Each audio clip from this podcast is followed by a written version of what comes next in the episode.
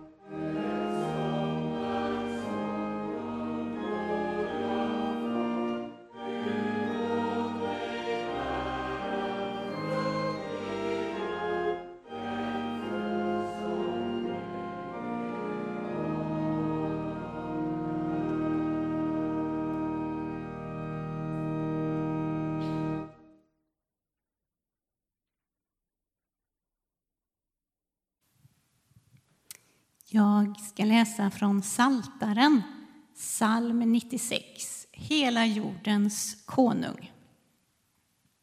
Sjung för Herren en ny sång.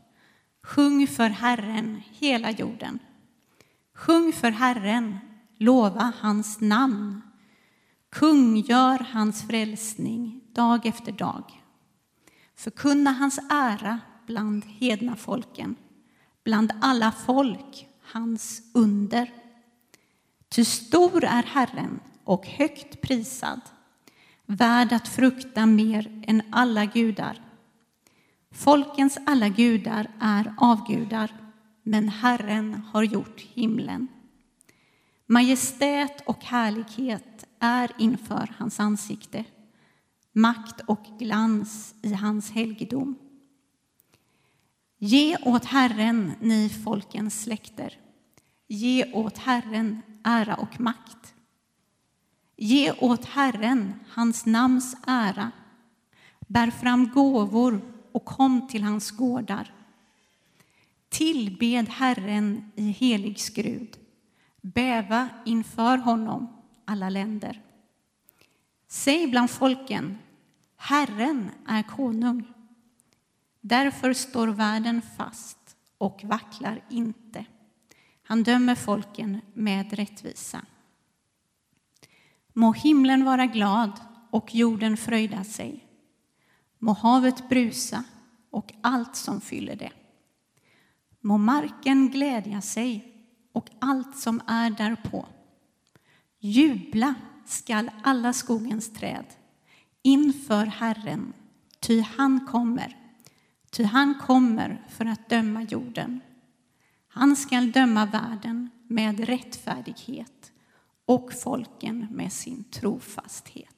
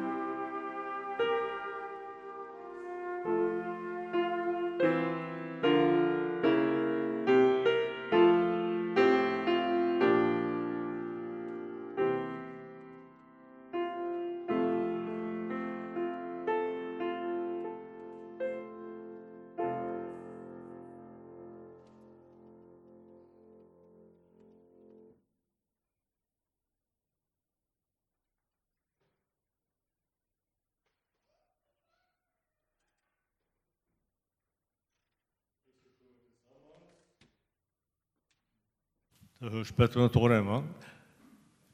Eh, vi ska sjunga tillsammans i psalmen 3, 3, 8, verserna 1, 3 och 7.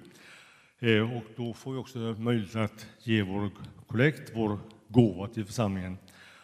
Och det går via Swish eller andra möjligheter, plus att vi vid utgången där finns kontantkollekten. Då sjunger vi sången och sedan predikar Daniel. 3,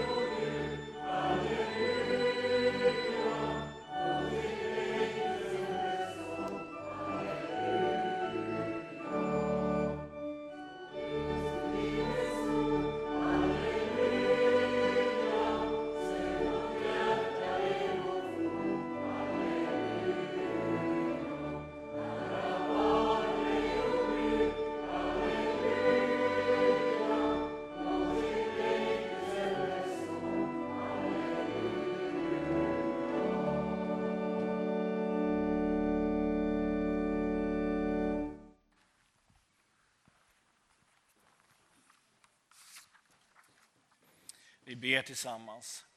Herre Jesus Kristus, tack att vi har möjlighet att dela med oss av vårt överflöd till församlingens arbete, Herre Jesus. Jag ber att församlingen ska kunna använda de här pengarna till det allra bästa så att du kan bli känd, trodd och efterföljd, Jesus, här i Taberg och vidare ut i världen, Herre Jesus. Tack Jesus att du vill tala till oss på olika sätt, Herre Jesus. Jag ber Gud, använd mig här idag, Herre Jesus. Amen. Vi har haft förmånen att ha en fantastisk midsommar. Jag har den här midsommar liksom när man söker skuggan och tycker att ja, egentligen är det ju för varmt, men det får vi ju inte säga. För att vi ska vara tacksamma över värmen när vi äntligen får den. Men samtidigt så är det ju sådär, alltså när, när man tittar på hur världen ser ut och vad som finns så kan man ju bli sådär, okej, okay, spännande läge. Vi har krig i Ukraina. Ja, det är egentligen inte det enda kriget. Det pågår ju flera krig runt omkring vår värld, fast det rapporteras inte om. Och vi har lite spännande händelser som händer i USA med Högsta domstolen som ändrar olika beslut som gör att människor blir ganska arga. Och vi har saker som händer i Oslo. Och man undrar, vart är allt på väg? Och man kan ju fundera i det där läget, vad skulle den gamla testamentliga profeten säga till församlingarna idag? För att om vi går till gamla testamentet, för att det är där som liksom grundmyllan finns för liksom, eh, de här, den högstes profet liksom, av alla profeter. Vad talar de in i för sammanhang? Ja, de flesta sammanhang som man ser när man läser Gamla testamentet, då talar de in till folket. Och när man säger folket, då är det Israels folk, alltså de troende på den tiden som trodde på Gud Fader allsmäktig. Det var till dem som eh, profeterna vände sig till. Inte till liksom de utanför den sfären, utan det var de som var i den sfären. Så. Och där har vi Johannes döparen. Och eh, eh, det är två saker som jag tänker att jag vill säga idag utifrån de texter jag kommer läsa men också utifrån profetskapet. Och Det första är att ja, vi kan ta rygg på Elisabet och Sakarias, alltså Johannes döparens mamma och pappa. De kan vi ta rygg på. Och sen lyssna till vad profeterna säger. Det är de två sakerna. Men vi börjar med Elisabet och Sakarias. Och jag kommer faktiskt börja läsa ifrån Lukas. Lukas som är så fantastiskt passionerad för att alla människor ska veta vem Jesus Kristus är. Därför skriver han Lukas evangeliet och apostlagärningarna. Men vi är i början där. Lukas 1 och vers 10 kommer jag ta och börja med. Och det här är liksom början av att eh, löftet om Johannes döparen ska komma. Och eh, det vi behöver veta innan detta det är ju det att eh, du har ju Elisabet och Sakarias, ja, skulle kunna vara det här vanliga, liksom, ja, för vår del, pastorsparet. Liksom. Allting rullar på. Skillnaden är ju där att eh, ja, jag har tre barn. Eh, Sakarias och Elisabet har inga. Och i det läget, i den kulturen, så var det ju så att då såg man ju ner på speciellt Elisabet för att ja, mm, det där är ju inte bra. Och hon var ju fylld av skam på grund av detta. Det, det är liksom grunden. Men sen är det så att eh, och Sakarias arbetar ju då i en församling, alltså han var ju präst eh, och sen hade han då uppdrag i templet och en gång i livet så får man göra det han nu ska göra efter lottningen där. Han ska tända rökelseoffret i Herrens tempel. Och så här står det ifrån vers 10. Allt folket stod utanför och bad medan offret pågick. Då visade sig Herrens ängel för honom till höger om rökelsealtaret. Sakarias blev förskräckt vid denna syn och fruktan föll över honom. Men ängeln sa till honom, var inte rädd Sakarias, din bön har blivit hörd.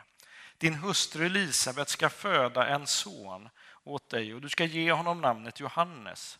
Han ska bli din glädje och fröjd och många kommer att glädja sig över hans födelse. Ty han ska bli stor inför Herren, vin och starka drycker ska han aldrig dricka. Han ska uppfyllas av helig ande redan i moderlivet och han ska få många i Israel att vända tillbaka till Herren, deras Gud.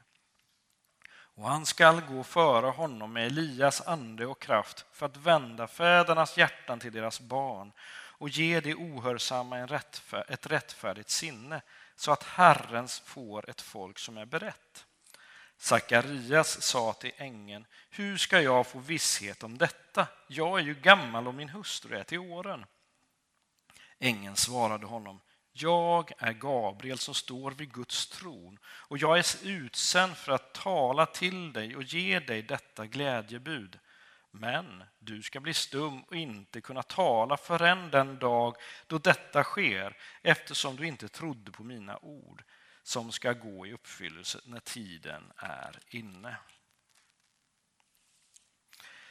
Jag börjar där. Sakarias är i templet och eh, man kan ju tänka sig att det här är en person som verkligen tror på Gud. Och han gör ju det på ett sätt. Både han och Elisabet, även fast det är så att de inte har fått barn som de har längtat efter och då som det, det skulle ha blivit om allt skulle vara som det skulle. Men de höll sig kvar vid Gud. Men i lägena möter ängeln så är han liksom, mm, jag vet inte riktigt. Och då blir han stum för Gabriel säger det. Och jag har funderat där, vad tänker Sakarias under den här perioden. Hur mycket lappar skriver han till Elisabet under den här perioden, den här nio månaders perioden? Det vet jag inte. Men kan det vara så att han förbereder sig för vad som ska hända? För sen händer ju detta att eh, eh, Elisabet föder Johannes. Och alla som är där blir ju oerhört glada över detta som har hänt. Att Elisabet äntligen får föda ett barn. Och det blir en son och alla är så här, ja, stormförtjusta. Och alla tänker då, det är klart att han ska heta Sakarias efter sin far, självklart. Men eh, Elisabet säger nej, men eh, det litar de inte riktigt på. Så vänder de till, eh, eh till pappan, då, till Sakarias. Och Sakarias blir tvungen att skriva ner, ja, Johannes är hans namn. Och då kan han börja prata igen.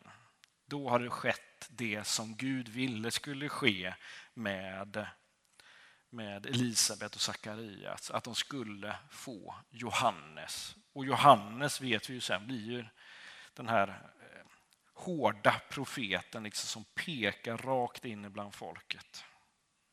Men vad lär vi oss av Elisabet och Sakarias?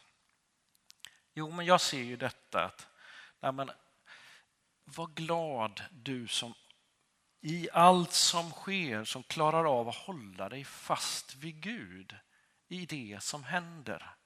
Det är egentligen det som Elisabet och Sakarias gör. De fortsätter sitt jobb och de håller sig till Gud hela tiden. Och De ser inte alltid att det är toppen, men de är där och är trogen Gud. Det kan vi lära oss av Elisabet och Sakarias.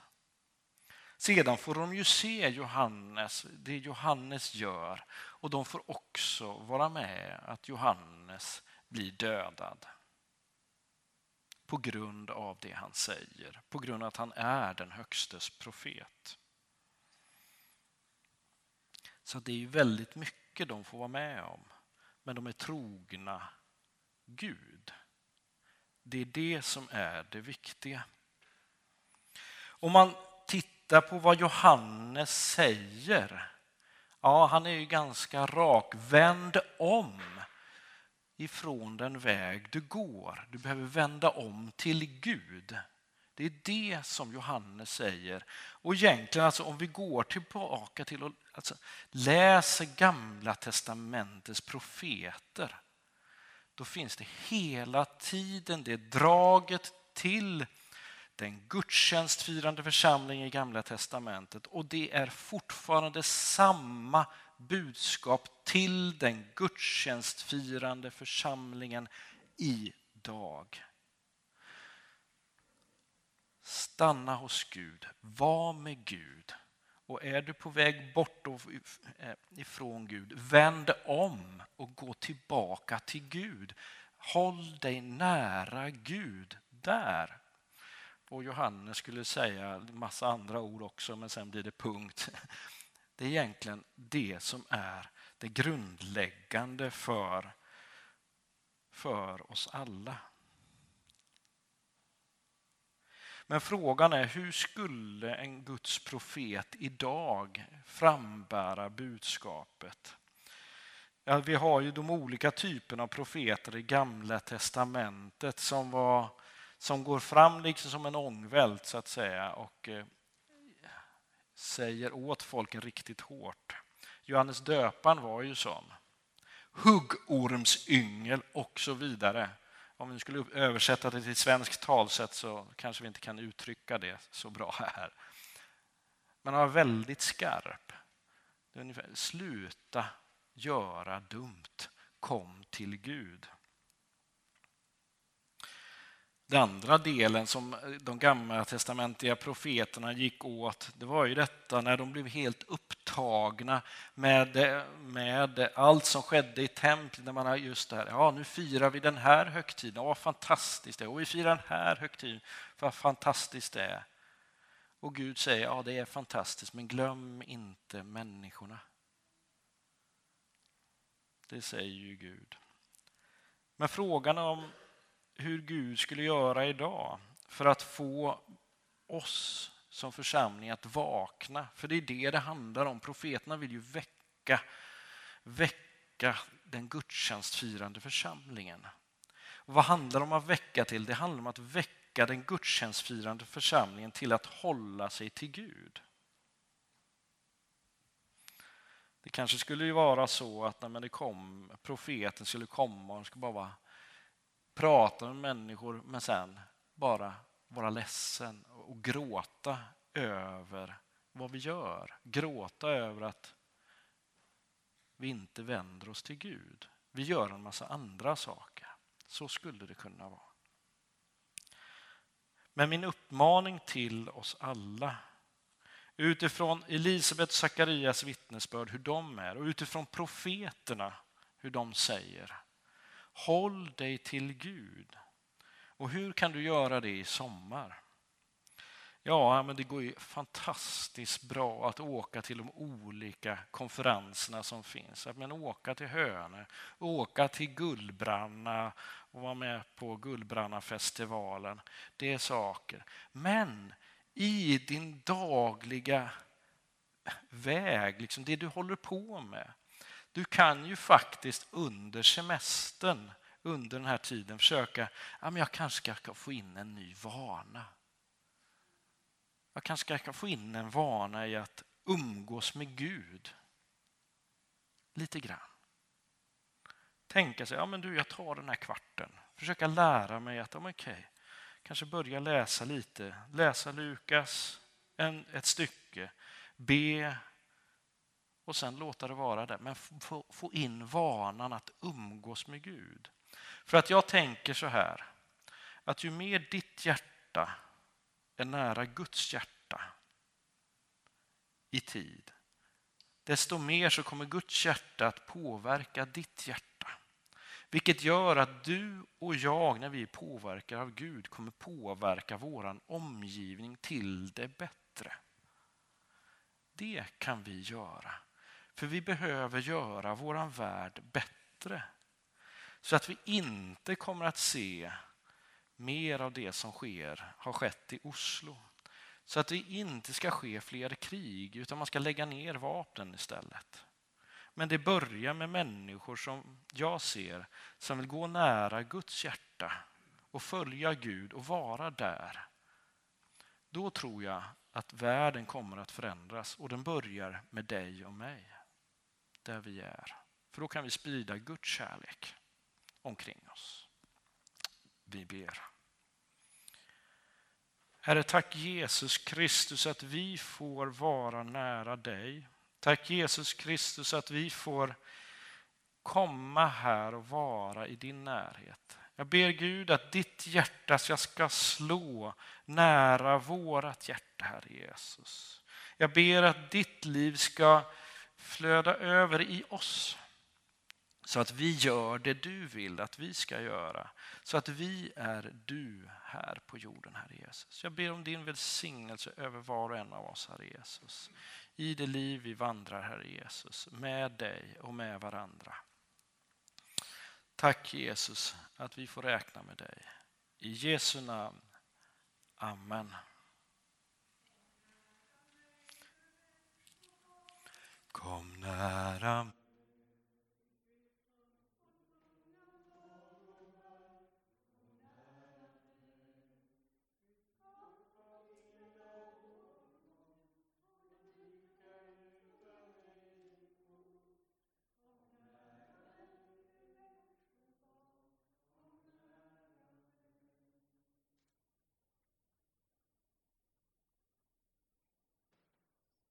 sjunger tillsammans psalm 28, Så älskade Gud.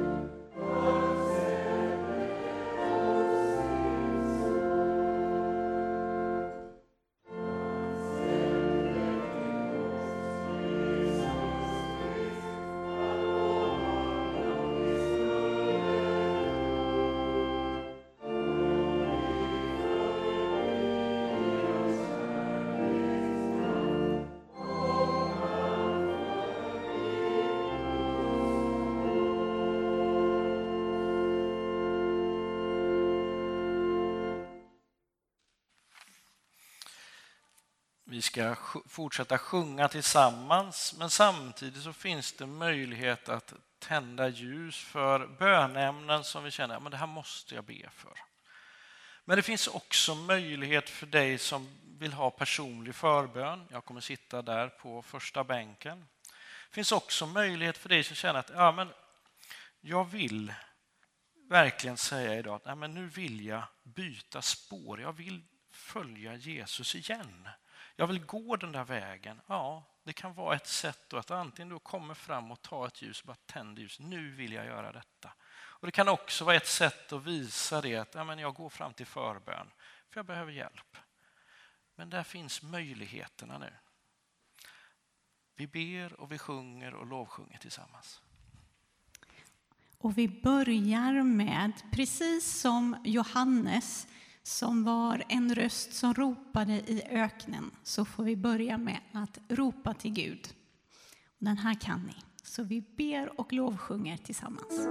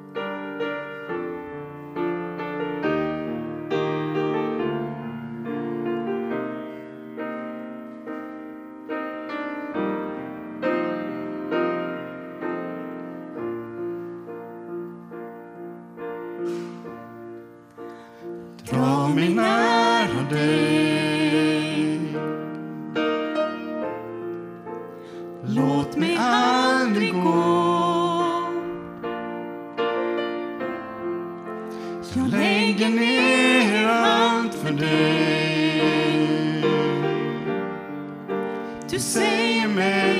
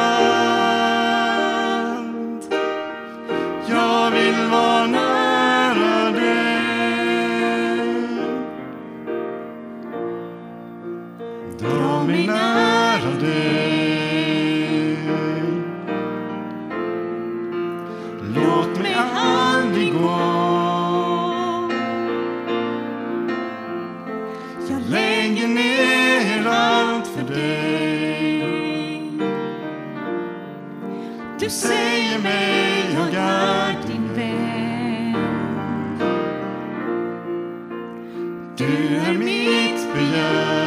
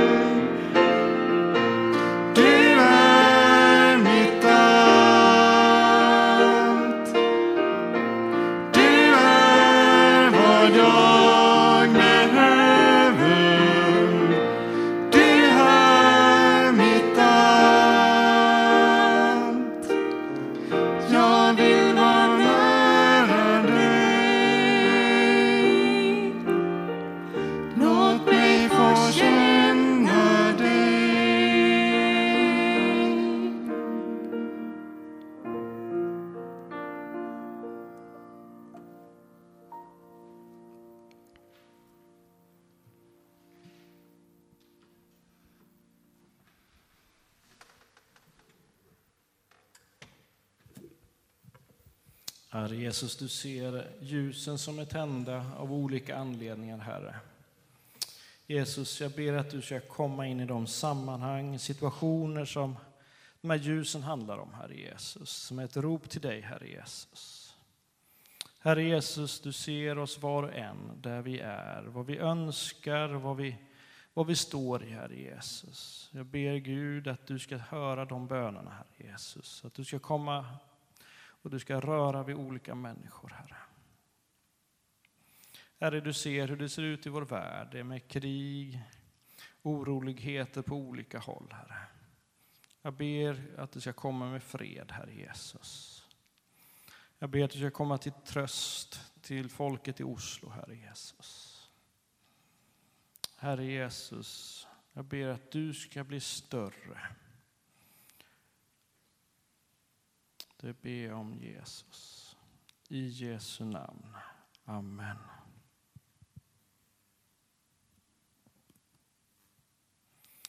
Vi ber Herrens bön tillsammans.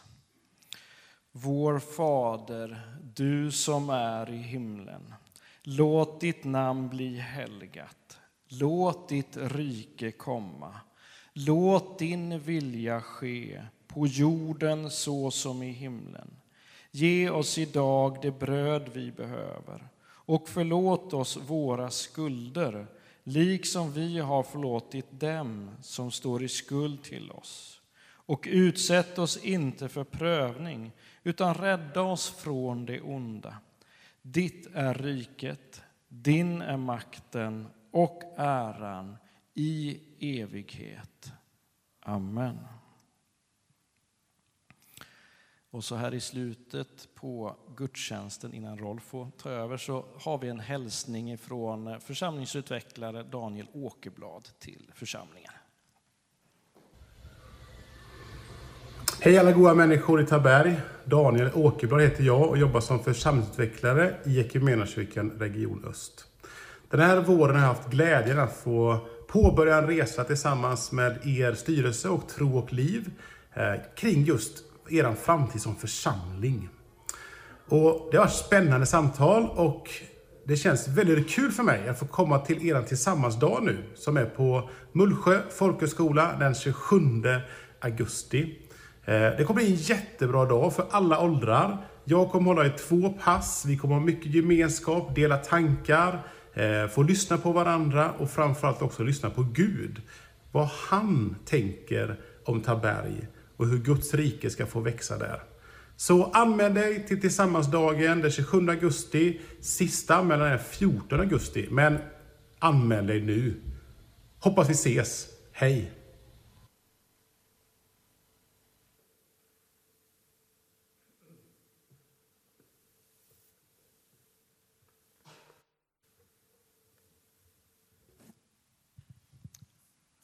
Den 27 augusti, det är dagen efter vi har kommit hem ifrån sensommarläger på Strandgården. Jag gör en liten påminnelse om det här. Jag skickade ut det här till församlingar som är i närheten av Strandgården därför vi har lite för få anmälningar här. Nu hoppas vi att det ska bli av och att ni känner att ni är välkomna. Det finns några sådana här foldrar ute på bokdisken där. Ta med den och vi har alltså flyttat fram sista anmälan till den första juli. Men eh, innan dess så ska jag bara påvika, pålysa att vi har godfika efter gudstjänsten. Så är det på midsommarhelgen. Det ska vara godfika i kyrkkaffet. Nu ber vi tillsammans innan vi sjunger välsignelsen. Herren välsigne oss och bevara oss. Herren låter sitt ansikte lysa över oss och vara oss nådig. Herren vände sitt ansikte till oss och give oss frid. I Faderns, Sonens och den heliga Andens namn. Amen. Så avslutar vi vår gudstjänst med sången 336. En bön och en bekännelse. Jag vill ge dig, o Herre, min lovsång.